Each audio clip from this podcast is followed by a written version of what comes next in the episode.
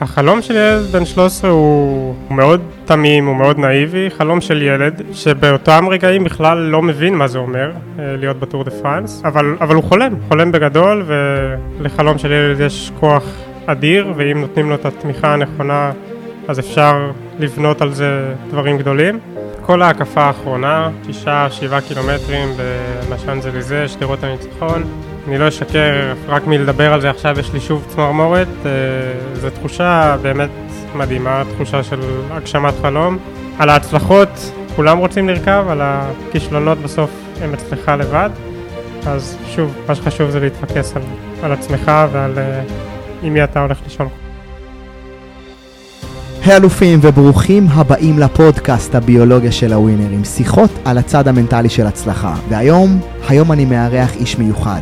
האורח שלי טס בגיל 13 עם אבא שלו לטיול בר מצווה לטור דה פרנס בפריז.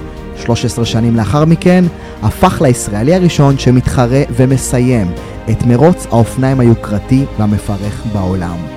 אני שמח לארח את גיא ניב, הרוכב הישראלי הראשון בטור דה פרנס. בפרק דיברנו על הגשמת חלומות, על התמדה, על תהליך ההכנה המנטלי לטור דה פרנס שהחל בפרוץ הקורונה והסתיים בהקפת הסיום המרגשת בשאנזליזה. ממה מורכבת זהות אמיתית של אלוף? מה גרם לו להאמין שהוא יכול לעשות מה שאף ישראלי עדיין לא עשה? מה זה אומר להיות רוכב מקצועני, ספורטאי מקצועני?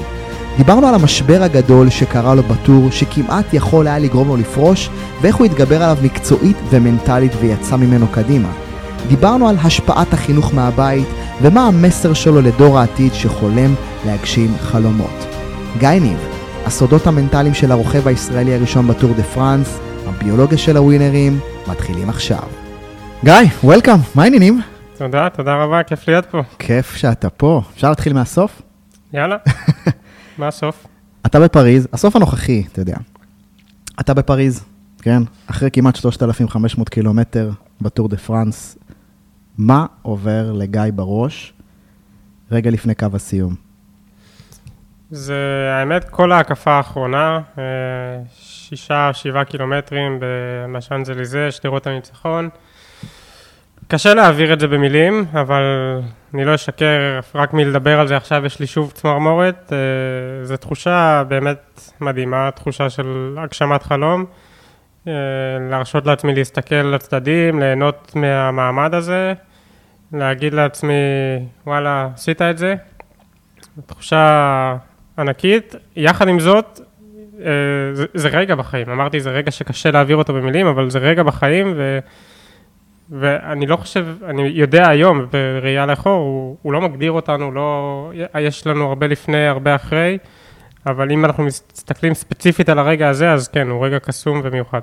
אתה יודע, אתה, אמ, אמ, אתה יודע, יש היום שזכית בתואר הישראלי הראשון ש, שמתחרה בטור דה פרנס וגם מסיים אותו, כן? אנחנו יודעים שהרווחת אותו בזיעה רבה ועבודה קשה.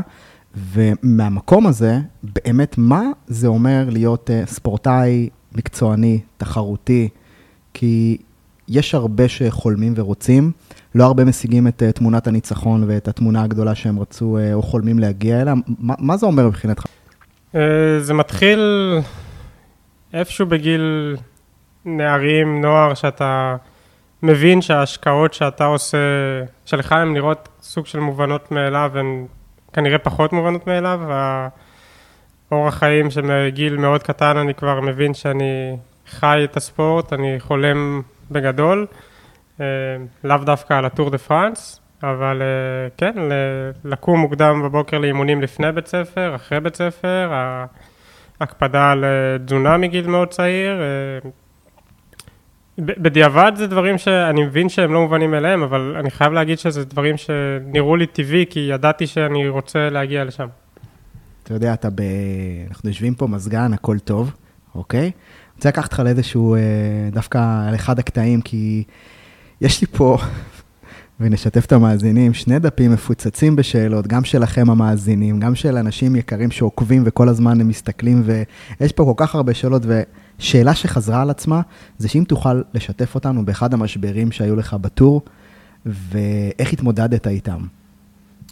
המשבר הכי גדול שחוויתי בטור, נולד בשלב 17, קטע שני מתוך שלושה קטעים ברציפות בערי האלפים. ובדיעבד, שוב, תוך כדי לא ממש ידעתי לשים את האצבע, אבל פשוט פיקששתי בתזונה במהלך אותו יום, והגעתי לשעה האחרונה פשוט מרוקן. נכנסים לעלייה של 20 וקצת קילומטרים, היום השלב מסתיים ב-2300 מטר גובה, אז אתה גם יודע שאתה הולך לקראת אוויר דליל בחמצן, וכבר בתחילת העלייה אתה מסובב את הפדלים ולא ממש יוצא כוח. ואיך אתה מתמודד עם זה? תראה, זה לא ש... אני לא אשקר, בהתחלה זה לא קל. בהתחלה מגיעים השדים, בהתחלה יש איזשהו, נכנסים לאיזשהו סטרס, והאנרגיה הולכת למקומות הלא נכונים, אבל לשמחתי, וזה, אני, אפשר לתת לך איזה מחמאה קטנה, זוקף את זה לזכות ההכנה, ידעתי לזהות, לזהות שאני ברגע של משבר, והתכוננו למשברים. ידעתי שמשבר הולך להגיע, כשמסתכלים על טור דה פרנס, אולי מרוץ, אולי אירוע הספורט הכי קשה שאומרים, אבל בחיים בכלל, יש, יש לנו אתגרים, יש לנו מכשולים, וברגע שאנחנו מקבלים אותם ולא נלחמים בהם, אנחנו יודעים להתמודד איתם בצורה הרבה יותר טובה. זיהיתי שאני ברגע של משבר, אה, והחלפתי את ה-state of mind בראש. דיברתי עם עצמי להתמקד אה, קילומטר קילומטר, לא לחשוב רחוק, אה, להתפקס רק על הדברים הקרובים, כי המחשבות הולכות, לה, רוצות ללכת למקומות הלא טובים, ל... הנה זה, אתה הולך להרוס את זה, הנה זה הולך להיגמר, אתה לא תסיים את היום במגבלת זמן. אה, וברגע שלא נותנים לשדים האלה לקפוץ ולהשתלט, ו- ומזהים שאתה ברגע של משבר, ושפשוט צריך לעבור אותו, אז, אז הרבה יותר קל להתמודד עם זה, אה, וזה מה שעשיתי, התפקסתי על עוד קילומטר, אה, התפקסתי על קצת לאכול, למרות שכשאתה כבר נכנס לבור הזה, הבור התזונתי, אי אפשר לצאת מזה באותו שלב, רק ליום, ביום למחרת. קילומטר אחרי קילומטר, ובסוף מצאתי את עצמי בפסגה של השלב הזה. מטורף, מה זה, שוכחים כאילו, מה, חצי תמר או, או, או שלוק מים, כאילו, מה לא, זה? לא, הרבה יותר. צריך לאכול כמויות אדירות במהלך טור כזה. אה, האמת שלא הרבה יודעים, אבל זה אחד הדברים הקשים. אה, אחד האתגרים זה לאכול כל כך הרבה. תוך כדי, אבל גם לפני ואחרי, אנחנו מדברים על כמויות, אני שאני רוכב קטן ממד, ממדים, שורף ביום רק ברכיבה, עזוב את הלפני ואחרי, בין 4,000 ל-5,000 קלוריות, הרוכבים הגדולים זה יכול להגיע ל-6,000 ו-7,000. Uh, הכלל אצבע לתזונה במהלך התחרות היא בין 60 ל-80 גרם פחמימה, אז אם, פיקש, אם אני דיברתי על זה שפספסתי בתזונה שעתיים או שלא אכלתי, אז אנחנו מדברים על שני חטיפים ושני ג'לים ועוד איזה בקבוק איזוטון, שפשוט בגלל הקצב הגבוה, בגלל שהייתי באיזשהו מצב של, של תחרות, שלא הייתי מספיק מפוקס על הדברים האלה, איכשהו קרה שפיקששתי עם התזונה ופשוט הגעתי לשלב, לשלב הזה בלי כלום, בלי אנרגיות בגוף. דיברת על התהליך המנטלי, ואני לא אשכח את השיחה שהייתה לנו, זה היה ככה פה במרפסת, לא רואים את זה, אתם שומעים, אבל זה היה כאן, ו... הדבר הראשון ששאלתי את עצמי זה, מה גורם לספורטאי על שעתיד להיות בטור דה פרנס, דווקא ממקום חזק, לרצות את האימון המנטלי, ואולי תוכל לשתף אותנו על באמת על הסיבה שבגללה רצית שנצא לתהליך יחד, מה היה שם? אה, מימון מנטלי זה משהו שחוויתי אותו פעם ראשונה בגיל 15-16, כשהדברים הלכו קצת פחות טוב, והמאמן שלי בזמנו אה, המליץ לי ופניתי לליאור זך-מאור, אה, היום הוא מאמן אה, איירון מנים, אחת הקבוצות הגדולות בארץ, זון שלוש, אה, והוא היה המאמן המנטלי באותו זמן, עשה איתי עבודה נפלאה, ומאז די סייע, הרגשתי שמיציתי בשלב מסוים והפסקתי עם זה. ומה שהוביל אותי לשם זה קודם כל המלצה של חבר, שפשוט בתקופת הקורונה פתאום נולד לי זמן, ושאל אותי, המליץ לי על הספר שלך. הקשבתי לספר שלך, ושוב, חשוב לי להדגיש, לא הייתי במצב של משבר, הדברים הלכו מאוד טוב, שנה שעברה סיימתי את הג'ירו, הייתי הישראלי הבכיר, הייתי אלוף ישראל נגד שעון, הדברים הלכו בכיוון טוב, אבל ברגע שהקשבתי לספר שלך, קצת הפכת לי כמה נקודות בראש, בלב, והבנתי שפשוט יש לי עוד יתרון, עוד, עוד אספקט שאני יכול להוסיף לעצמי. שמעתי בדבר, בספר שלך, בדברים שלך, הרבה דברים, בעיקר בהכנה, שאני יכול לשפר אצלי, והחלטתי שאני פונה אליך, קיוויתי שתענה לי, לשמחתי ענית לי, ו... וזהו, ואני מאוד שמח על ההחלטה הזו. מה הייתה באמת המטרה המרכזית שלך, זאת אומרת, אה, וחשוב בעצם אולי גם בטח לשתף את המאזינים, שכשאנחנו אה, אה, מתעסקים באימון המנטלי, אנחנו תמיד רוצים לשפר משהו בביצוע. משהו שהוא יהיה מוחשי ורלוונטי עבורנו, זה כמובן מתחיל בראש, ואולי ככה באמת תוכל לשתף, אולי מה מהכלים המנטליים, או בעצם מה עזר לתהליך הזה, להביא אותך מוכן יותר כמו שדיברת על זה בטור, כי זה בעצם היה המאני טיים לשמו, מה שנקרא, לשמו נתכנסנו. מה שממש רציתי לשפר אצלי, או הדבר שהכי התחברתי אליו בספר שלך, שזה המשפט של אה, לא, לא להיות, כאילו, בסוף כשאתה גדל בעולם הזה, אתה, אה, איך קראת לזה? אלוף בניסחונות ו... ואפס בהפסדים. אה, ואתה באיזשהו מעגל לא נגמר של, של לרדוף אחרי הניצחון הבא, ורק ככה אתה מרגיש תחושה של שמחה ושל סיפוק, ורציתי לדעת להיות מעל הניצחון, רציתי לדעת מי זה גיא בלי האופניים, כי אתה כל כך הרבה שנים בתוך זה, רציתי לדעת, אה, קצת קיבלתי פרספקטיבה על החיים והבנתי מה אני מחוץ לאופניים, וזה הפך אותי לרוכב הרבה יותר טוב על האופניים. Uh, חוץ מזה שעבדנו על עוד הרבה דברים ש... שאני ידעתי שההתנהלות שלי יכולה להשתפר בהם, אם זה קבלה של אה, בלת"מים, ניהול יותר נכון של האנרגיה בסיטואציות שפחות יש לנו שליטה עליהן. Uh, אלה הנקודות המרכזיות שאני חושב שעבדתי עליהן לפני, לפני הטור. אתה יודע, בטח מאזינים לנו, ואנחנו תמיד אה, דואגים להזכיר שבביולוגיה של הווינרים, בפודקאסט ובכלל בפילוסופיית חיים שלנו, זה שאנחנו בעלי ערך ללא תלות בתוצאה. ו... ובהאזנה הראשונה זה קשה לתפוס את זה. ואני אומר, באמת, ובטח, אה, אתה יודע, שומעים את זה. זה מאוד קשה, זה, זה, זה מדהים להתחבר על זה, ואז אני אומר, אוקיי, אבל איך אני עושה את זה? מה, ב... איך זה קורה בפועל? זהו, מה, מה באמת היה הרגע אולי שאתה זוכר, שבאמת הצלחת ליצור איזשהו מרווח ביטחון? הרי דיברנו על זה שאחד הכללים באימון המנטלי מבחינתנו, זה שכשאתה מפתח את עצמך כאדם שלם, בלי תלות בתוצאה, אז גם הביצוע משתפר וגם התוצאה בסוף משתפרת, כי הפוך על הפוך. Mm-hmm. ואולי שאלה שבטח אותי מסקרנת, בטח את מי שמאזין, זה, האם אתה זוכר את הרגע הזה שבאמת, בוא, הצלחת ליצור איזו הפרדה בין גיא האדם לגיא הרוכב? קשה לי לשים את האצבע על רגע מכונן שבו זה נפל או קרה, אבל זה, זה דברים שעבדנו עליהם, זה דברים שבהתחלה אני זוכר שאני כזה ספורטאי מאוד מקובע ומרובע בהרבה דברים, ואם זה התזונה, אז uh, סוג של הכרחנו אותי לפתוח בקבוק בירה קרה uh, בסוף, בסוף אימון טוב, או כמובן לא כל יום, ולא התחלתי לשתות עכשיו כל יום, אבל uh, דאגנו לדברים האלה, ודאגנו לשים את הדגש על, על איזה דברים אני עוד עושה בחיים, איזה דברים עוד יש לי, אם זה...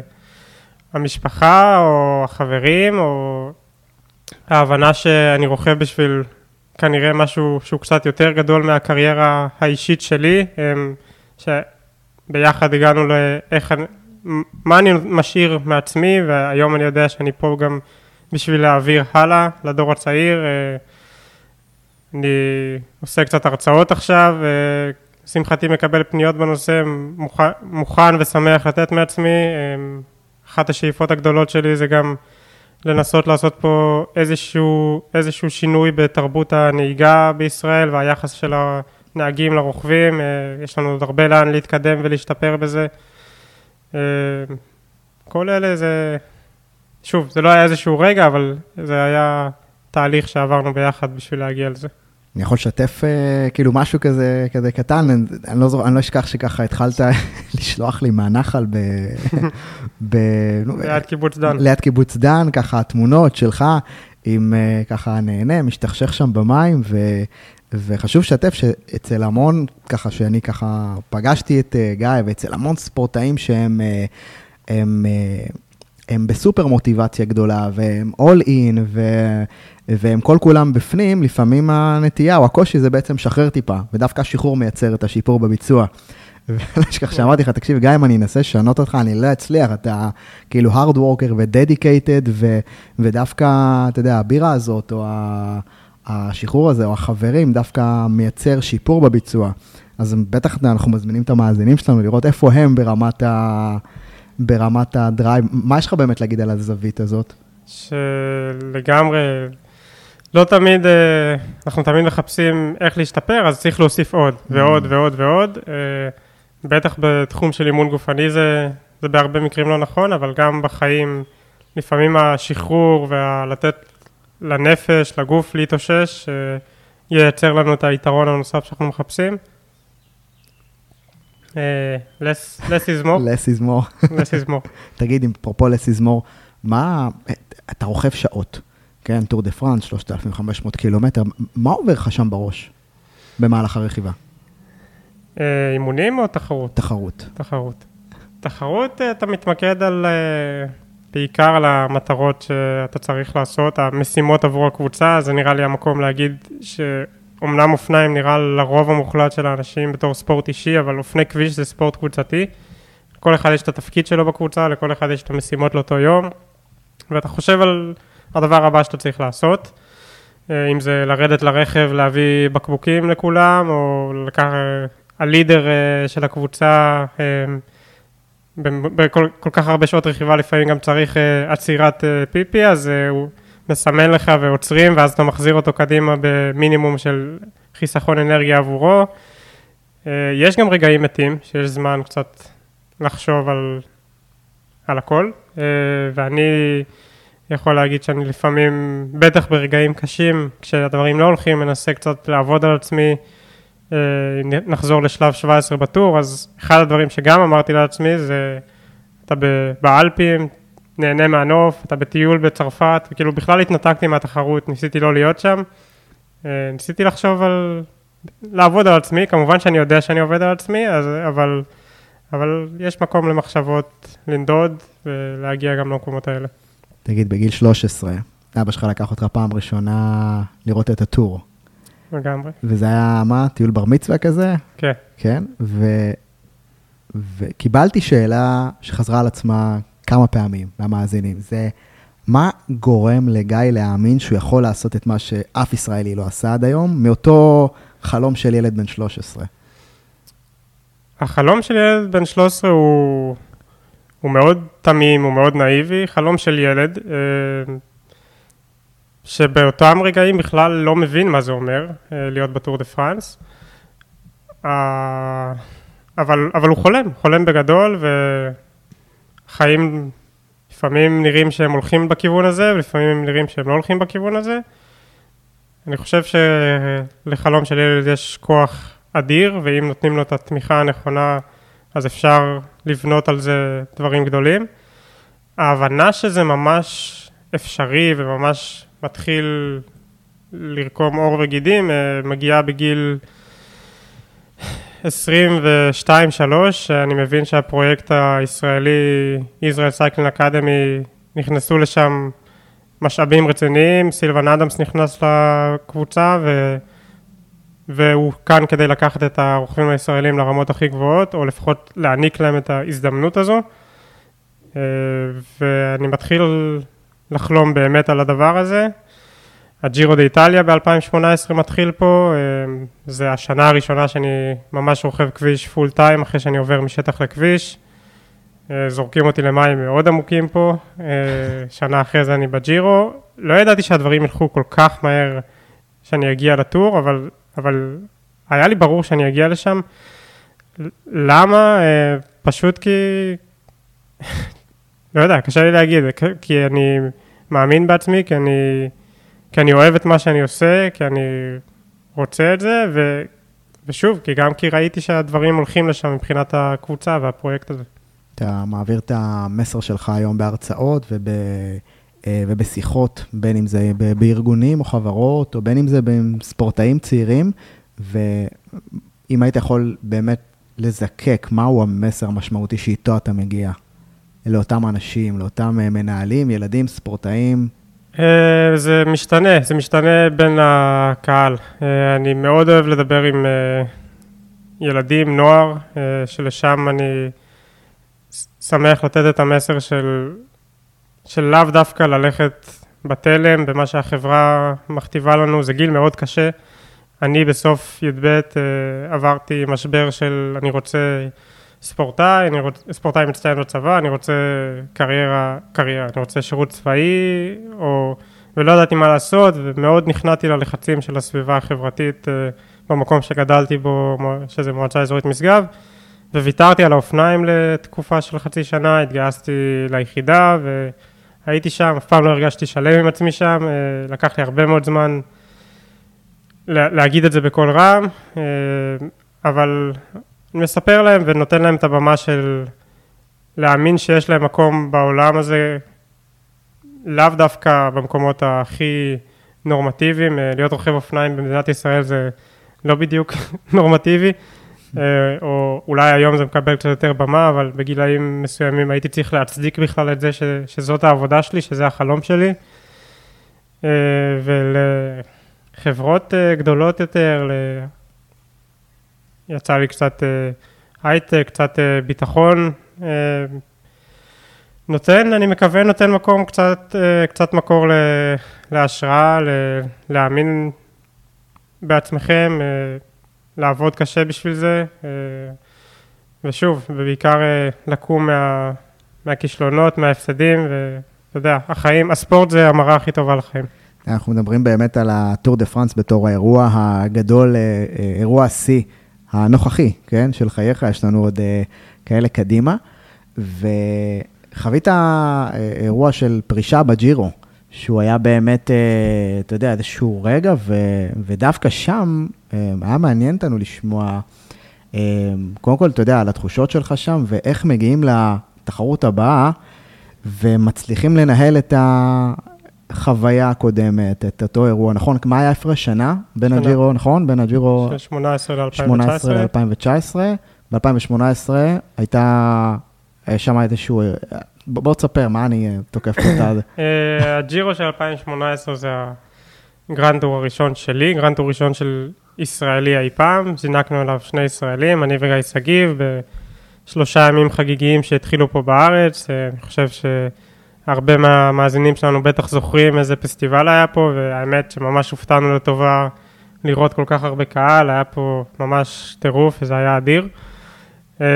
יחד עם זאת, ילד בן 24 שפתאום מקבל את הזרקור התקשורתי הזה ואנחנו באופניים הופכים, גם היום, הסיקור התקשורתי שלנו הוא מ-0 ל-100, חזרה ל-0, שוב ל-100, אה, זה היה פעם ראשונה שחוויתי את זה.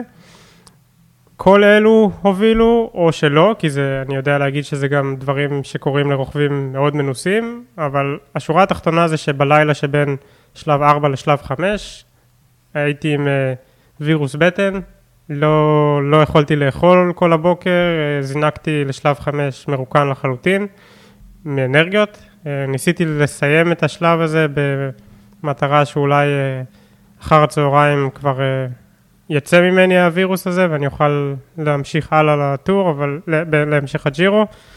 זה לא קרה, נאלצתי לפרוש, וזה היה מקום כואב מאוד. הקבוצה האמינה בי, זה קיבל, שוב אני מדבר על הזרקור התקשורתי, זה קיבל פה מקום גדול, אה, וזה כישלון, בשורה התחתונה זה כישלון, בסוף כספורטאי מודדים אותך בזה. אבל אחרי שעברתי את הרוטינה של ההתאוששות שלי, אה, היה לי ברור שאני חוזר לשם, והיה לי ברור שאני... שאני יכול, זה לא הוריד לי לרגע מהאמונה שאני יכול לחזור לשם בעתיד. עשיתי הכל בשביל להוכיח לקבוצה שמגיע לי המקום בסגל של ג'ירו 2019. אה, וכן, זינקתי לשם עם איזשהו קוף על הגב אה, של להוכיח קודם כל לעצמי, אבל גם לקבוצה ש... שהג'ירו של 2018 הוא לא מעיד על הרוכב שאני, ושאני כן יכול להתמודד עם אתגר של אה, grand tour, מרוץ של שלושה שבועות, ו- ואני שמח שעשיתי את זה. זוכר תמונה שלך בסוף ה grand tour הזה, מסיים אותו, הראש על האופניים, ואתה פורץ בבכי שם ברגע הזה, מה, מה עובר לך שם? אה, האמת שלא ציפיתי לזה. אתה לא בכיין. אני יודע לבכות, אני לא, לא מתבייש לבכות כשצריך, אבל לא ציפיתי שזה יקרה שם. Uh, כנראה שהיה שם תחושת שחרור אדירה של... שכן, uh, עשיתי הרבה דברים טובים כבר בהמשך העונה של 2018 אחרי הג'ירו, ש... שנגמר ב... באכזבה, אבל uh, איפשהו תמיד ישב עליי העניין הזה של grand tour ושל ג'ירו, ו... ואולי uh, גם התחלתי לחשוב על זה שאולי בעתיד לא ייקחו אותי למרוצים כאלה, והטור כבר נראה מעבר לאופק, uh, אם לא ב-2020 אז ב-2021 או ב-2022, מתישהו היה ברור שבשנים הקרובות הקבוצה תגיע גם לטור, והיה לי מאוד חשוב בשביל עצמי לסיים את הג'ירו. ידעתי שאני יכול, ידעתי שאני יכול, אבל הגרנד טור הבא ש... שהיה, הוא היה במרחק של שנה, כאילו אחרי הג'ירו של 2018, אנחנו מדברים על קבוצת אה, דרג שני באותו זמן, לא דרג ראשון כמו שאנחנו עכשיו, אז אנחנו לא עשינו את הטור, לא עשינו את הוולטה, היינו צריכים לחכות שנה, וזאת הייתה שנה ארוכה, וכנראה השתחרר שם הרבה מאוד לחץ. אולי תשתף אותנו קצת, ב, ב, אולי קצת בפרקטיקה של תהליך ההכנה לטור, מה זה אומר? תהליך ההכנה המנטלי הוא, הוא קודם כל מהבנה של מהי תמונת הניצחון שאני רוצה לראות בטור.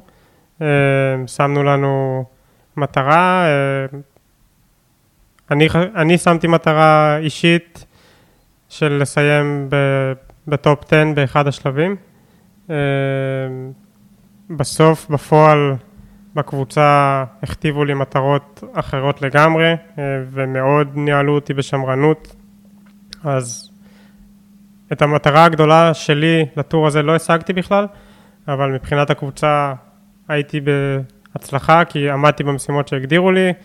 פעם ראשונה ישראלי בטור, אה, היה להם מאוד מאוד חשוב שהישראלי יסיים ויגיע לפריז, אה, וככה ניהלתי את המרוץ שלי. אני חייב לציין שזה לא ממש קל לרוכב תחרותי והישגי לנהל מרוץ אה, רק מהצורך לסיים, אבל, אבל זה מה שהוכתב לי מלמעלה וזה מה שהייתי צריך לעשות, והניהול של המרוץ התנהל ככה. אה, אבל הייתה לי את תמונת הניצחון שלי, שעל פיה עבדתי, אה, כל בוקר התחלתי איתה בהדמיה של, אה, בסימולציה, בהקלטה של, שלך, של, של הדברים שעבדנו עליהם, שראיתי את עצמי שם, דמיינתי את הסיטואציה הזו. היה לי את הצ'קליסט המנצח שלי עם כל התגובות שאני נותן לסיטואציות או מכשולים שמגיעים בדרך, ו, ואותו שיננתי לפני הטור, ואיתו הלכתי לישון. מה עוד בפרקטיקה? קודם כל, אני חושב שזה בטח, אה, כי הרבה שאלות עלו לאיך התגברת על המשברים, או איך זה קרה, ואני חושב שאחד הדברים שאולי אנחנו מבינים היום, זה שאם חיכינו למשבר כדי להתחיל לתכנן את התגובה אליו, אז אנחנו הפסדנו את המשחק. ושבכלל, אנשים בעולם הזה צריכים לצפות מראש, וגם אם זה לא הכי מדויק, כן? מה עלול להזיז אותי ממצב הרוח שלי, מההוויה המדויקת שלי, מהספורטאי או מהאדם שאני רוצה שהעולם יראה היום, וזה, אתה יודע, פנו אליי פעם כמה פסיכולוגים ואמרו לי, איתן, אתה לא מאיר את השד כשאתה נותן למתאמנים שלך לצפות מה עלול לדפוק להם את היום? אז אני אומר, השד קיים, זאת אומרת, למה להחביא אותו? וברגע שאנחנו נותנים לו מקום... נכון, אה, אה, אני זוכר שמחנות אימונים שהיו פה בארץ, עוד לפני שנסעתי לאירופה, נכון, זה אף פעם לא יכול לדמות מרוץ ואת הסטרס של מרוץ והסיטואציה הזו, אבל ביקשת ממני להתייחס למחנות אימונים האלה כאל כלי אימוני לדברים האלה, וממש דיברנו על מה המכשולים שעלולים להגיע במחנה אימונים ו, ומה הפתרונות או התגובות המנצחות, אה, לשים לב להוויה שאני נמצא במהלך המכשולים האלה, ו, וכן, ועשינו את זה פה בארץ במחנות אימונים. אה, היה לי מרוץ הכנה אחד בצרפת שבועיים לפני הטור, שגם שם יכולתי לעבוד על זה, ואני חושב שהגעתי לזה מוכן. חשוב לנו להעביר שזה לא איזה אה, מגע קסם שקורה תוך שנייה, מתאמנים על זה כל כך הרבה, על התגובות לבלת"מים, על, הצ... על לצפות את הבלת"מים, להכיל אותם, לקבל אותם, ואז יש לנו סיכוי טוב להגיע ל money time הכי גדול, שהוא אירוע גדול, טור דה פרנס, או הטור דה פרנס הבא שאתה בעזרת השם תגיע אליו, וזה... אתה יודע, אז אולי ניתן איזשהו טיפ קטן, אה, אתה יודע, אתה צפית מראש את הבלת"מים הצפויים ואיך להגיב אליהם, אז אנחנו בטח מזמינים מי מאיתנו ששומע, לא לפחד לשים על השולחן, על הדף, מה עלול להזיז אותי מהיום שלי. זה יכול להיות שלא יהיה לי זמן, זה יכול להיות שאנשים יעצבנו אותי, זה יכול להיות שלא יהיה לי זמן לעצמי, והילדים, והמשפחה, וה, והעסקים לא דופקים, כי עכשיו אנחנו בתקופה של קושי, וזה באמת, אה, אתה יודע, אה, קודם כל, אני באמת אומר לך תודה על החשיפה הזאת, זה לא, אתה יודע, לא טבעי, ו, ו, אבל זה, זה, זה מי שאתה, מיוחד כזה. אני רוצה להחזיר איתך רגע, אולי לשאלה קטנה, מהנקודה שאתה נמצא בה דווקא היום. אילו יכולת לפגוש את גיא, הילד. הילד בן ה-13 עם האופניים שם, ב... מה, היית אומר לו? אה, לך לשחק כדורגל, לא, סתם. אה, אופניים זה קשה, אה, אבל הייתי אומר לו, בגיל 13, הוא כנראה כבר אז קצת התמקד יותר מדי בתוצאות. אה, לשמחתי ידעו כבר בגיל הזה להבהיר לי שזה לא מה שחשוב. אה, זה היה לי קשה לקבל את זה, אבל בסוף כשהתבגרתי קצת, אני עד היום זוכר את השיחות האלה עם המאמן שלי באותו זמן. אה, לילד בן 13 הייתי אומר ליהנות, להמשיך לעשות את מה שהוא עושה, להמשיך לרדוף אחרי חלומות, אה, ולא, לא הייתי מגלה לו שבסוף זה יצליח. לא היית מגלה לו. לא, וגם לא הייתי משנה לו את הדרך, את ההתמודדויות האלה, כן צבא, לא צבא, רוכב שטח, עד גיל מאוד מאוחר, אז כביכול הגעתי לכביש, שזה הדבר האמיתי עם קצת חוסר בניסיון. אה, הדברים האלה הפכו אותי לרוכב שאני היום, לאדם שאני היום. לא, לא הייתי מבקש ממנו לשנות את הדברים האלה. מי היו באמת המודלים שלך לחיקוי בדרך, אם היו? היו, היו, אה, קודם כל אחד הספורטאים שאני הכי אוהב זה רוג'ר פדרר, אבל אה, אני חושב שיותר קל לי להתחבר לעומרי כספי. עומרי כספי עשה, אתה יודע, בלתי ייאמן באותו זמן, אה, להגיע ל-NBA. קריירה ארוכה ב-NBA אה, ברמות הכי גבוהות, ועשה, פרץ תקרת זכוכית, פותח, פתח דלת לישראלים אחרים. אה, היום אנחנו רואים שדני אבדיה כנראה ילך בדרכו, גל מקל היה שם לקצת, אה, ואני חושב שאחרי שהיינו, אחרי שהגעתי לטור דה פרנס, אחרי שהייתי שם, זה, אני בטוח שזה נותן לדור הצעיר מקום לחלום להגיע לשם ובאמת לראות ש, שזה אפשרי. אה, עמרי כספי מבחינתי הוא מודל אה, להערצה, דמות לחיקוי. מה זה עושה לך היום כשאומרים את אותו דבר עליך? וואה, כבוד גדול. אה, זה כיף, זה כיף, זה, זה ההבנה שאני פה גם בשביל לתת מעצמי דרך האופניים לעולם, לדור הצעיר, זו זכות. זה עושה אותי, שוב, דיברנו על זה, זה גם הופך אותך, זה הופך אותך לרוכב יותר טוב, אה, מההבנה הזו, אה, קצת מוריד מהרדיפה האישית, וברגע שאתה רוכב עבור משהו קצת יותר גדול, זה שם את הדברים בפרספקטיבה על החיים, וכן, זו זכות. אם פה, פה משהו יותר גדול, אתה יודע, הגעת לפסגה, פסגה הנוכחית, אתה לוקח חלק בטור דה פרנס, מסיים אותו, וכשאתה מסתכל קדימה, לאן זה, זאת אומרת, לאן זה הולך? מה, מה השאיפות הבאות שיש אחרי הגעה לפי כל כך גדול? יש, אה, יש אגב, אתה יודע, ירידה במוטיבציה, יש איזו ירידת מתח, יש איזשהו, השגתי, מה, איפה אתה? איך, איך מנהלים יש, פסגה? יש, יש ירידה, אה, אני לא, אי אפשר להתכחש לזה, זה פשוט פיק כל כך גבוה של מאמץ פיזי ומאמץ של הנפש, ש, שבאופן טבעי יש ירידה, אה, ירידת מתח שהיא טבעית, אבל אה, ממש ממש לא מרגיש שמיציתי. אה, הדבר הבא זה לחזור לשם שוב בשנה הבאה, בשנים הבאות, להשיג יותר. נגעתי בזה בקטנה קודם, שכבר בטור הזה רציתי להשיג יותר. זה לא הסתייע או בגלל הטקטיקה והמטרות של הקבוצה, או כי אולי גם עוד לא הייתי בשל לזה ועוד לא הייתי מספיק טוב, אמ, אבל אני יודע שאני רוצה להשיג בטור דברים הרבה יותר גדולים. השאיפה הכי גדולה זה לנצח שלב, אה, לנצח Grand Tour, את כל הטור, כנראה זה לא יקרה בגלגול הזה, זה דברים שרואים בפוטנציאל שלך בגיל מאוד צעיר, ו... וזה כנראה אין לי, אבל לנצח שלב אני בהחלט משוכנע שאני יכול. ופסגות, אה, שאיפות מקצועיות, יש לי עוד הרבה, אני לא, לא סיימתי את הקריירה שלי. אתה יודע, זה, אה, ואתה יודע, לשמוע את זה, וגם אולי, אולי שווה, אה, אתה יודע, לחוות ממך, או לקבל בעצם את ההסבר למה היה כוחה של תמונת הניצחון, על אף שלא השגת אותה. זאת אומרת, הגדרת תמונת ניצחון, שזה בעצם יעד עתידי שאנחנו רוצים להשיג, שעדיין לא קרה פיזית, אבל הוא קורה אצלי בראש, בגוף, ועל אף שלא השגת אותו, מה היה חלקו? כי המשכת לתרגל את ההדמיה הזאת יום-יום, אני לא אשכח ככה, דיברנו בטלפון, היית בקיבוץ דן, ואנחנו מדברים כזה בבוקר, אז אתה אומר לי, כן, מעולה, בדיוק הייתי בפריז עכשיו, אני איתך. אמרתי, איפה היית? הייתי בהדמיה, בפריז עכשיו, וחזרתי אליך. מה, מה באמת הכוח של להחזיק תמונה עתידית? שעדיין לא קרתה. עדיין לא קרתה, אה, אבל בכל תהליך ההכנה זה, זה עוד drive, זה עוד... אה, זה, זה, אתה מתחיל את היום כשאתה יודע למה אתה יוצא לאימון הזה, לשעות האלה על האופניים, לאינטרוולים הקשים. אה, זה לא שאני לא יודע לפני, אבל, אבל זה מחדד אותך, זה עושה אותך הרבה יותר טוב לאותו יום.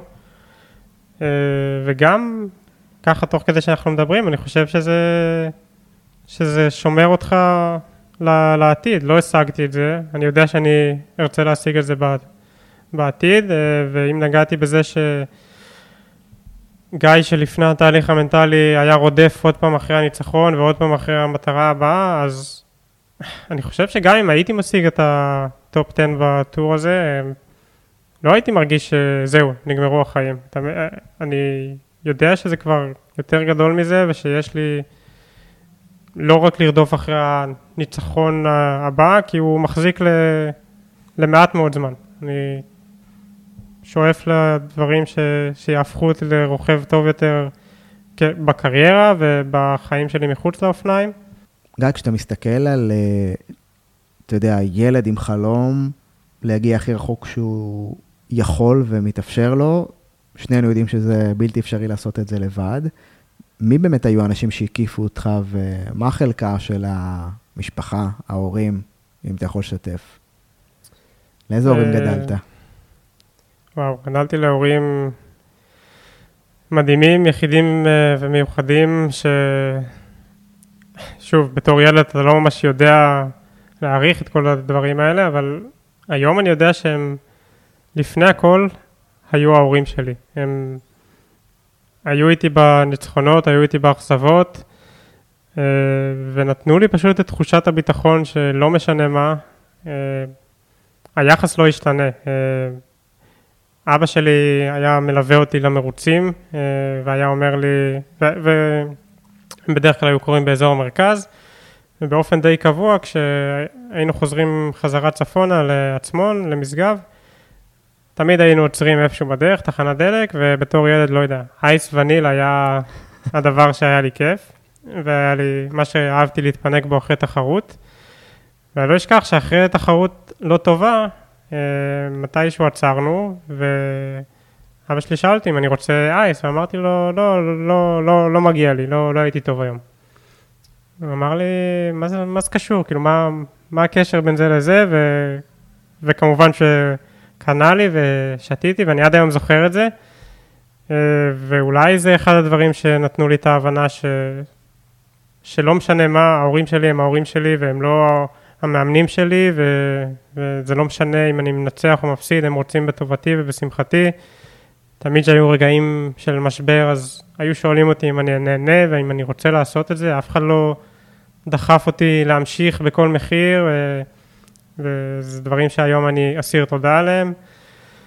חוץ מזה היה לי מאמן, אופיר גלאון, שגידל אותי והקנה לי את האהבה לספורט, אה, לענף הזה, לימד אותי מגיל 10 עד גיל 20, הפך אותי למי שאני. אה, ידע לשחרר אותי לשלב הבא, למאמן הבא, כשבשמחה ובאהבה ובפרגון אמיתי. עוד אנשים שהתברכתי שהייתי מוקף בהם זה החברים שלי, שזה אורח חיים ממש לא קל, אה, נסיעות לחו"ל, אה, מסלול חיים שונה, הדיבורים שלהם על הצבא, אז אתה קצת, אה, בתקופה הזאת קצת פתאום מרגיש שאתה נדחק החוצה, כי אין לך את הסיפורים האלה, הסיפורים שלך הם על האימונים או על ה... ללכת לישון, אתה, לא, אתה לא, לא תמיד חלק, אבל היה לי יש לי חברים שאיתי בטוב וברע, ואני תמיד אה, נשארתי חלק מהחבורה, שזה זכות. אה, וכן, המשפחה, המשפחה והחברים, זה בסוף המהות של הכל.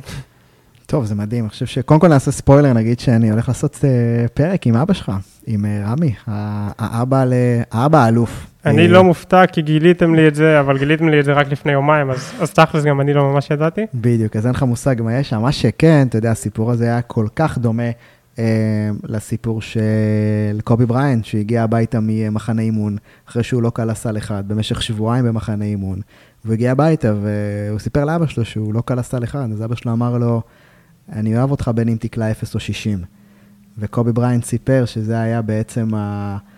הביטחון הכי חשוב שהוא קיבל בקריירה שלו, וזה הביטחון להיכשל, או הביטחון להבין שיש לו אהבה בבית, בלי תלות, בין אם עכשיו אה, קיבלתי אה, ציון אדיר, בין אם קלעתי, אה, אה, לא יודע, top score במשחק הזה, ובין אם ניצחתי, הפסדתי, ואני חושב שזה מסר כל כך... אה, כל כך משמעותי לכולנו, למנהלים מול העובדים שלהם, להורים מול הילדים שלהם, במערכות היחסים של כל מקום שיש בו תוצאות. אז קודם כל, לגמרי. תשמע, ריגשת בטירוף, ב... בטח, ב... בטח בזווית הזאת. אה, אה, אתה יודע, בנית לך איזושהי אמונה לאורך הקריירה והחיים, וקיבלת את האמונה מההורים ש... עזוב תוצאה, אתה יכול לשתות אייס ונילה בלי, בלי קשר לכלום. עם איזה אמונת אה, ניצחון, אמונה חזקה, יצאת לטור, לטור דה פרנס? זאת אומרת, מה היה שם שאתה יכול לשתף אותנו? טוב, אז נשתף באמונת הניצחון שהגענו אליה ביחד. אה, היא שברגע שאני שלם עם הדרך שלי, אה, הניצחון כבר קרה. אה, זה מתחבר להרבה מאוד דברים, זה מתחבר ל... שוב, לא לרדוף אחרי הניצחון, לדעת את הערך שלנו בלי שום קשר אליו. זה מתחבר לקצת, נגעת בזה באחת השאלות שלך, על זה שאומרים ש... סילבן אדמס אה, הכניס אה, את הישראלים לשם, ובמדינת ישראל הרבה, תמיד לכולם יש מה להגיד, וזה בסדר. אה, אני יודע כמה קשה עבדתי בשביל להגיע לאן שהגעתי. נכון, יש לי הזדמנות, לדור הרוכבים הנוכחי יש הזדמנות שלדור שלפניו לא היה. אני לא מתכוון להתנצל על זה, אני עובד מאוד קשה בשביל להגיע לשם, אני לקחתי את ההזדמנות הזו ומינפתי אותה למקומות הכי גבוהים שיש. אה, וכן, אה, ברגע שאני שלם עם, ה, עם הדרך שלי, עם כל העבודה שאני עושה, עם כל המסביב, אז, אז הניצחון קרה. זה לא אומר שאין לי שאיפות בטור עצמו, כמו ששיתפתי קודם, היו לי שאיפות גם במהלך הטור, אבל uh, ידעתי ש, שהגעתי לאן שהגעתי, וזה כבר ניצחון ראשוני גדול. זה בדיוק באמת מתחבר לכל מה ש... אתה יודע, לכל מה שדיברנו עליו מההתחלה, שאנחנו לא רוצים, כן, אנחנו יכולים, אבל אנחנו לא רוצים לצאת לאיזשהו מסע, מטרה, ותחושה שחסר לי משהו. אלא דווקא ליצור את המלאות הזאת, להרגיש כאדם שלם, ואז זה הרבה יותר, פשוט זה הרבה יותר שווה לכולם. הביצוע יותר טוב, אנחנו יותר טובים, וזה משהו שאנחנו רוצים uh, לעבוד עליו, ועשית את זה באמת, אני יכול רק אולי, uh, אתה יודע, לא אומרים שבחו של אדם, אבל כן להגיד שה... ההבנה שאתה אה, רוצח ממושמע באימונים שלך, וזה באמת הנושא שכל כך חשוב לי שתעביר אותו, כי לא מגיעים יום אחד אה, לטור דה פרנס או לתחרויות גדולות או לשיאים גדולים. מה באמת נדרש ברמת המשמעת מספורטאי שצריך לרכוב כל כך הרבה קילומטרים ביום, ובמשמעת אה, תזונה ושינה, והיינו דואגים, היית דואג, כן, שהזום יהיה מדויק לפני השינה והאוכל, שזה היה מדהים. מה באמת נדרש בלונגרן, ביום-יום, כדי לייצר את האפשרות להיות אה, אה, ברמות הגבוהות? אה, הרבה מאוד שעות על האופניים, אנחנו מדברים על שבועות של 20 עד 25 בשעות שבועיות על האופניים בסטנדרט, ושבועות מסוימים של 30, אה, 30 וקצת. אה, וההבנה ש... שזה אורח חיים, זה לא האימון הקרוב או הארוחה הבאה, זה, זה אצלך 24-7, 365. אה, גם בפגרה שוב, זה, לפ... אני מנסה לשחרר, ודיברנו על זה שהשחרור נותן הרבה, אבל זה לא קל. השעות על האופניים שהן ארוכות, זה ספורט שהוא מאוד אה, אירובי ומסתכם בשבועות אה, די, באופן די סטנדרטי 20 עד 25 שעות על האופניים, לפעמים באזור ה-30 ומעלה גם, תלוי בתקופה של השנה, אבל זה לא רק שם, זה גם בהתאוששות, בסשן מתיחות היומי, מתיחות וגליל, ו, ובתוך כל זה לנסות uh, לדאוג לדברים שהם מחוץ לאופניים, uh, לנפש, להתאוששות המנטלית. Uh, זה, זה אורח חיים שלם, זה לא לקום בבוקר ולהחליט שאנחנו ספורטאים uh, שרוצים להגיע לטור דה פרנס. שאלה של המאזינים, לא יודע, בוא נראה איך אתה תתמודד איתה, כן? מה אתה עושה כשאין לך חשק לצאת לאימון? מאיפה מגייסים מוטיבציה לפעול ובעיקר להתמיד? היה לך כאלה? כן, בטח, אני גם, אה, אני גם בן אדם. אתה גם בן אנוש? אה, לא יודע, אני כבר לא יודע. זה אולי קצת פחות אה, מוטיבציה, אולי מזג אוויר לא קל, בסוף זה ספורט שקורה בחוץ, וצריך להתאמן בקיץ, בחורף. לצאת לאימון בגשם על האופניים זה לא תמיד נחמד. אה, מה אני עושה? אני מסתכל רחוק. אני... באותו רגע זה לא, זה לא כיף. אני מעדיף להישאר בבית במזג אוויר החמים והנעים, אבל אני יודע שגם יש מרוצים שקורים בגשם, ואני יודע בשביל מה אני עובד, מה התמונה הגדולה שבשבילה אני עושה את כל מה שאני עושה. אז אה, אי אפשר לחשוב שאנחנו נרכב... אה, ורק נהנה, ואם זה מהמזג אוויר אז נרכב כל הזמן רק ב-18-20 מעלות, אה, או בכללי, שהאימונים יהיו תמיד קלים ונחמדים, או לאו דווקא קלים, אבל תמיד יהיו כיפים. יש גם אימונים שהם פחות אה, מה שאני אוהב לעשות, אה, אבל צריך, זה, זה ההבנה שצריך לעשות את זה, צריך, צריך לעשות הכל, ו, וזה בסדר לעשות את הקרבות הקטנות האלה. מסתכלים רחוק ו... והן שוות את זה. לגמרי, זה בסדר שלא בא לכם, ואני חושב שזה מזכיר לי בדיוק אה, אה, איזושהי הרצאה שעשיתי אתמול, זה היה בזום, ועלתה מישהי אה, עצמאית, בעלת עסק, והיא שאלה, מה עושים כשלא הולך? מה, למה עושים כשלא הולך? אז ביקשתי מכל הקהל להרים יד אם פעם אחת לפחות בחיים הלך להם משהו, הלך להם בביזנס, וכולם הרימו ידיים.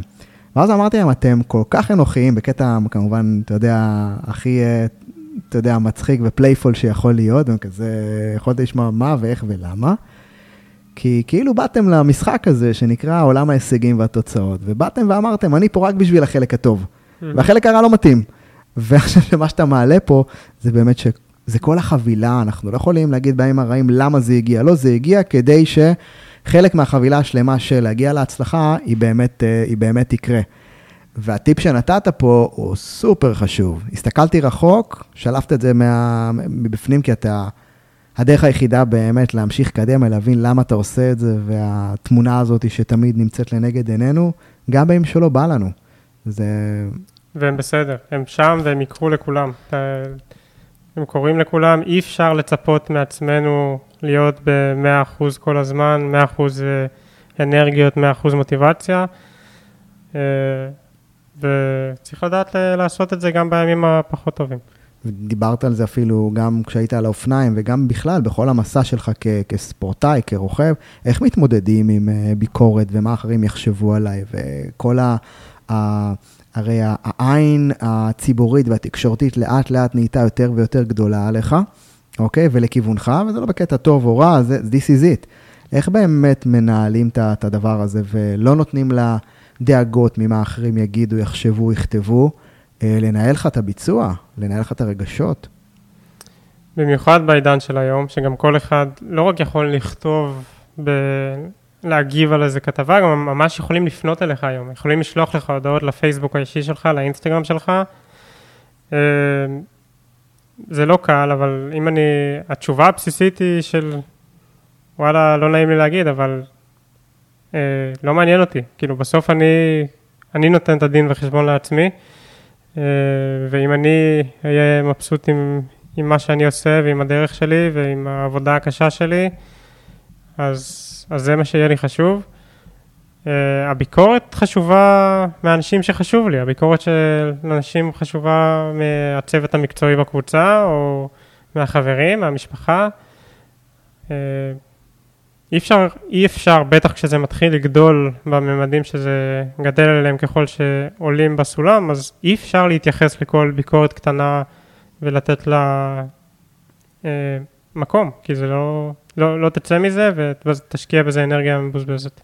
שזה באמת uh, היום בעידן הזה, כי ציינת את זה, זה כל אחד יכול להיות uh, עיתונאי, בעל, uh, בעל ערוץ, ולכולם יש כבר את האוטוריטה להגיד הכל ולהיות הכל, ובסוף נגעת בזה, ואולי יחשוב שניקח לנו, שאנחנו לא, לא הולכים לישון איתם, אנחנו הולכים לישון עם עצמנו. בדיוק. ואם הולכים לישון עם עצמנו, זה האדם היחידי שאנחנו צריכים לתת לו בסוף את הדין וחשבון, וזה, וזה אימון, כן? זה לא קורה בשנייה, דיברת, דיברת על זה. כן. שמע, לא, סתם, זה מצחיק ש... אני זוכר, אה, כשרק, הזרקור הראשון שקיבלתי באמת היה בג'ירו של 2018, ולא נעים להגיד, אבל ממש הייתי קורא טוקבקים של אנשים על, על כל כתבה, אה, ו, ואני מסתכל על, ה, על הילד שעשה את זה, ואומר לו, תשמע, אתה, אתה דביל, כאילו כמה אנרגיה השקעת שם, היום אני יודע שזה בכלל לא רלוונטי, אה, אני חושב ש... זה קורה בכל מקום, אבל אולי במדינה שלנו, שלטוב ולרע אנחנו מרגישים שהכל של כולם וכולם ביחד, אז, אז, אה, אז שוב, אז לדברים האלה כולם מרגישים שיש להם מה להגיד. על ההצלחות כולם רוצים לרכב, על הכישלונות בסוף הם אצלך לבד. אז שוב, מה שחשוב זה להתפקס על, על עצמך ועל uh, עם מי אתה הולך לישון, כמו שקראת לזה. והיום כשאתה מסתכל בכלל על המדינה שלנו, על העולם, על כל מה שקורה פה, אנחנו בתקופת uh, קורונה לא נורמלית, עם uh, גל ראשון, שני, מי יודע, אולי גם שלישי, ובכלל העולם השתנה, ואם היית יכול לתת את העצה שלך לאותם מאזינים ששומעים אותנו, חלקם עכשיו רצים, חלקם עכשיו בדרך לעבודה, חלקם ב, ב, ב, במחשבות, כל אחד באמת, וכל אחד נמצא בעולם... באמת איזשהו כאוס לא, לא ברור, חוסר ודאות, לא מבינים, כאילו, לא נעים לאנשים, כן? מה, מה, אם אתה היית יכול לתת את ה... באמת, את ה... מה לעשות עכשיו, מה זה היה? אמ, אני חיפשתי מהסיטואציה ההזויה הזאת את, ה... את המקום לדברים שלא הגעתי אליהם לפני. אמ, זה הזדמנות, הזדמנות לעבוד על דברים אחרים, אם זה הפנייה אליך, אה, מעבר דירה שעשיתי, לחפש את, ה, את ההזדמנות בסיטואציה ההזויה הזו. אני חושב שזה, כן, זה, זה מקום קשה עכשיו, אבל אני משוכנע שאפשר להרוויח גם במקום הזה. כל אחד בעולמו שלו, גם, זה גם מייצר הזדמנויות. ואפרופו הזדמנויות, אחד הדברים שאתה עושה היום זה כחלק מהרצאות ודברים שאתה פועל בהם. יש משהו אחד אה, מאוד מאוד מיוחד שהייתי רוצה לשתף, ואולי אם תוכל ככה טיפה לשתף איתנו, זה בית חולים אלין, מה שאתה עושה שם, ואתה יכול לשתף, מבחינתי זה... התרגשתי נורא לשמוע, אני חושב שכולנו צריכים לדעת את זה, ואולי גם לעזור בדבר הזה. תשתף אותנו. הלוואי, אה, בית חולים אלין, בית חולים לילדים בירושלים, אה, שלמעשה כל שנה הם מגייסים כספים לבית חולים הזה, לפעילות שלו, לשיקום של הילדים, אה, דרך מסע אופניים. זה נקרא Wheels of Love, גלגלי אהבה, מגיעים לפה תורמים מכל העולם, אה, ולשמחתי, הם אימצו אותי, אני אימצתי אותם, ואנחנו כבר כמה שנים ביחד, כמה שנים שאני מצטרף למסע הזה כל שנה. אה, השנה המסע הזה לא יקרה, אז הגיוס כספים הוא יותר קשה, עדיין מגייסים ועדיין האמת הצליחו לגייס לא מעט, אבל אה, אני הולך אה, לפתוח את הדף תרומות של, דף גיוס שלי, הולך להשתמש קצת ממזכרות מהטור, שאני הולך להציע למכירה בשאיפה שנצליח לגייס קצת. אה, וכן, זה, שוב, זו זכות שאני יכול דרך האופניים ודרך המקום שלי היום בענף לתת בחזרה. אה, הלוואי שאנשים נוספים אה, יעשו זאת. וזה זה שוב מסוג הדברים שבאמת נותנים פרספקטיבה לחיים, זה לראות את הילדים האלה ואת ההתמודדויות שלהם. מה הם באמת עוברים? בוא, בוא נספר, כאילו, לאן זה מגיע? Uh, הכל מהכל, מפציעות טראומה ל... לפציעות, uh, או לא פציעות, למומים מולדים, לילד שמתקשה באמת על כל נשימה, uh, והאנשים שם שולחים לי סרטונים שלהם, uh, רואים, ראו אותי בטור והסתכלו ושמחו, אז, אז מי אני בכלל שאני אתמודד קצת עם כאב ברגליים בטור, אני חושב על הילד המדהים הזה. שזה אדיר שהוא רואה אותי וזה מעלה לו איזשהו חיוך, אז אני כמובן שאני חייב להמשיך לחפור ולהמשיך בטור. זכות גדולה שאני יכול לתת להם בחזרה, ואני מאוד מקווה שגם השנה, בלי המסע, אבל עדיין נצליח לגייס את ה... סכומים שצריך לפעילות השוטפת של הבית חולים הזה. מדהים, אלופים. אז אתם שומעים, יש לכם הזדמנות אדירה גם uh, לקחת ולעשות אולי אפילו עוד משהו גדול למען uh, ילדים מדהימים, שאני חושב שמגיע גם להם להיות אלופים בדרכם שלם. איך אפשר להגיע? מה, איך כאילו... יש ב... א', אפשר לכתוב בית חולים אלין, ובדף הראשי שלהם לראות את ה... עמוד של התרומות, אבל גם אני ממש העליתי עכשיו פוסט באינסטגרם האישי שלי שמפנה לדף תרומות ש... שאני מגייס. אז אפשר למצוא את זה באינסטגרם שלי או ישירות אצל בית חולים אלין. מדהים, אולי נשתף גם שהדרך ליצור איתך קשר, בין אם זה ל, ל, ל, לתרומות, או בין אם זה להזמנה להרצאות או פעילויות, זה אינסטגרם, באישי שלך, איך מגיעים? אינסטגרם, פייסבוק. אינסטגרם, פייסבוק. הכל אוקיי. הולך היום. הכל הולך היום. טוב, אז לקראת סיום, בוא נעשה איזה ככה... איזשהו מרוץ שאלות קטן, בסדר? הוא לא יהיה 3,500 קילומטר, אבל הוא יהיה כמה שניות. אוקיי? בוא נראה אותך. בוא נראה אותך עכשיו מתפקד בלחץ. בוא נראה עשינו עבודה טובה. סתם. מה המוטו שלך? מה המוטו שלי? אה, מוטו שלך, אבל גנבתי לך אותו. אה, לנצח אה, לתת 100% לשם המטרה, אבל אף פעם לא לתת למטרה להיות 100% ממך. מה האוכל שאתה אוהב? אני אוהב הכל, ואחד היתרונות באופניים זה שאפשר לאכול הרבה כי שורפים הרבה, אבל תמיד מה שחסר לי כשאני הרבה חודשים באירופה, בעולם, אז חומוס זה הדבר הראשון שאני חייב כשאני חוזר לארץ. איי, איי, איי, איזה כיף. דבר אחד שהיית עושה אחרת. דבר אחד שהייתי עושה אחרת.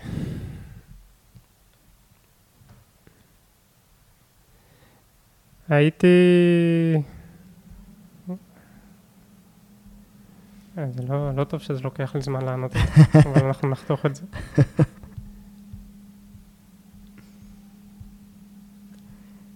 אילו יכולת לעשות דבר אחד אחרת, מה זה היה?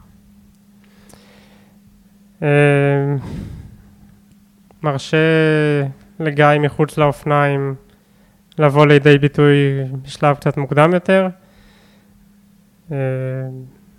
ולקחת קצת מהביטחון של גיא על האופניים לגיא שמחוץ לאופניים. להקה אהובה? וואי, אני מה זה גרוע במוזיקה. אני הייתי... אני שומע, הפלייליסט שלי הוא פשוט uh, הכי מיינסטרים שיש, אבל uh, בתור ילד ממש ממש אהבתי את משינה. Uh, והיום, uh, בין אם הוא... בין אם זה... לא, זה לא קשור. עברי לידר הוא זמר אדיר בעיניי, חוץ מזה שהוא חובב אופניים, ותמיד uh, מפרגן ועוקב, אבל הוא לטעמי אדיר ומדהים. אמרת שהמודל לחיקוי שלך הוא פדרר, מה הסיבה? הסיבה זה הרעב הבלתי נגמר שלו. הוא עשה כבר כל כך הרבה, השיג את כל תארי הגרנדסלאם האפשריים, והוא עוד רעב, והוא משחק בתשוקה של ילד בן 14. הוא, הוא לא נגמר, הוא לטעמי גם... טניס בכלל, זה נראה לי הספורט הכי מנטלי שיש, והוא עושה את זה, הוא גובר על כולם בצורה מדהימה. מהו ניצחון בשבילך היום? ניצחון, ניצחון אה, זה לקום בבוקר שמח, לקום בבוקר שאני יודע למה אני עושה את מה שאני עושה, אבל אה, כן, גם אה, ספורטאי, כספורטאי מקצוען, כמובן שגם הניצחונות הספורטיביים הם ניצחונות חשובים, אבל שוב, הם לא, ה... הם לא מה שמגדיר אותנו. מה זה אומר להיות אדם שלם? להכיר את עצמי מחוץ לאופניים, אה, לדעת איך אתה, או בשביל מה אתה רוכב, שהדרך שבה אתה מחזיר בחזרה לעולם. ושאלה אחרונה, מי הקבוצה שאתה אוהד? אה, טוב, נו, אני אוהד מכבי חיפה מגיל צעיר, אה, תכלס פניתי אליך רק בגלל זה. לא, סתם. פניתי אליך עוד הרבה, עוד לפני שהיית שם. דאגת שאני אהיה. כן, אני ידעתי שאתה תגיע בקיץ, ובשביל זה תכלס התחלנו לעבוד ביחד. מכבי חיפה, הייתי מוצא את עצמי ב... ביציע ג' שלוש שנים, עוד בקריית אליעזר. אה, ראובן עטר, וזה היה בתקופה. ראובן עטר, אלישע לוי, האליפויות של אלישע. אה, כן, מכבי חיפה זה אצלי כבר הרבה מאוד שנים. כדורגל, משהו שאני מאוד אוהב. אלוף. רגע לפני סיום, מה אתה מאחל לעצמך שנה הקרובה? להגיע שוב לטור דה פרנס, אה, להמשיך להתפתח כרוכב, להשיג את המטרות שלי. אה, אחת מהן זה מה שרציתי לעשות כבר בטור הזה וזה לא קרה, ואני ארצה לנסות להשיג את זה בטור הבא. אה, ולהמשיך לתת בחזרה באיך שאני יכול. אה, אם זה דרך קצת הרצאות או קצת שיחות עם הרוכבים הצעירים בנבחרות הצעירות, או בכל מקום ש... שאני יכול להחזיר דרך האופניים, זה הזכות שלי לעשות את זה, ואני אנסה לעשות את זה. אלוף, מה אני אגיד לך? קודם כל, אה, אה, באמת חושב שאתה הדוגמה לאיך משמעת, התמדה, חלום, דרך ארץ, ענווה, ובאמת תעוזה אמיתית כל אלה יכולים להשתלב לדבר גדול. ואני באמת אומר לך תודה על ההשראה שנתת לנו, למדינה. זה היה פה באמת אה, כאילו חתיכת אה, אירוע גדול, וזה רק נראה לי פתיחה של אה, עוד כל כך הרבה דברים טובים. אז אלופים, מי שרוצה להגיע לגיא לכל מה שדיברנו עליו עד עכשיו, בין אם זה לבית חולים אלין ובין אם זה להזמין את גיא להרצאות, לאירועים, אנחנו, אני יודע שהוא עדיין כאן, עד ל... מה, יש אה, תחרויות קרובות? בגדול בפברואר אה, פברואר? חוזרת עונת המרוצים. אה. אז כל מי שבאמת היה רוצה ושמח, אז גיא, תודה שאתה מאפשר להם לפנות, בין אם זה אינסטגרם, פייסבוק. אני סופר סופר שמח על הזמן שהקדשת, שבאת, גם באת עם האופניים, רכיבה מעידן לפה, לא פשוט. תמשיך לעשות את מה שאתה אוהב, שנמשיך לקבל השראה מאנשים כמוך, ואלופים, שמחתם, אהבתם. שתפו את הפרק הזה עם עוד אנשים שזקוקים לידע הזה, שזקוקים להשראה הזאת, ונתראה בפרק הבא. תודה גדולה, תודה רבה איתן.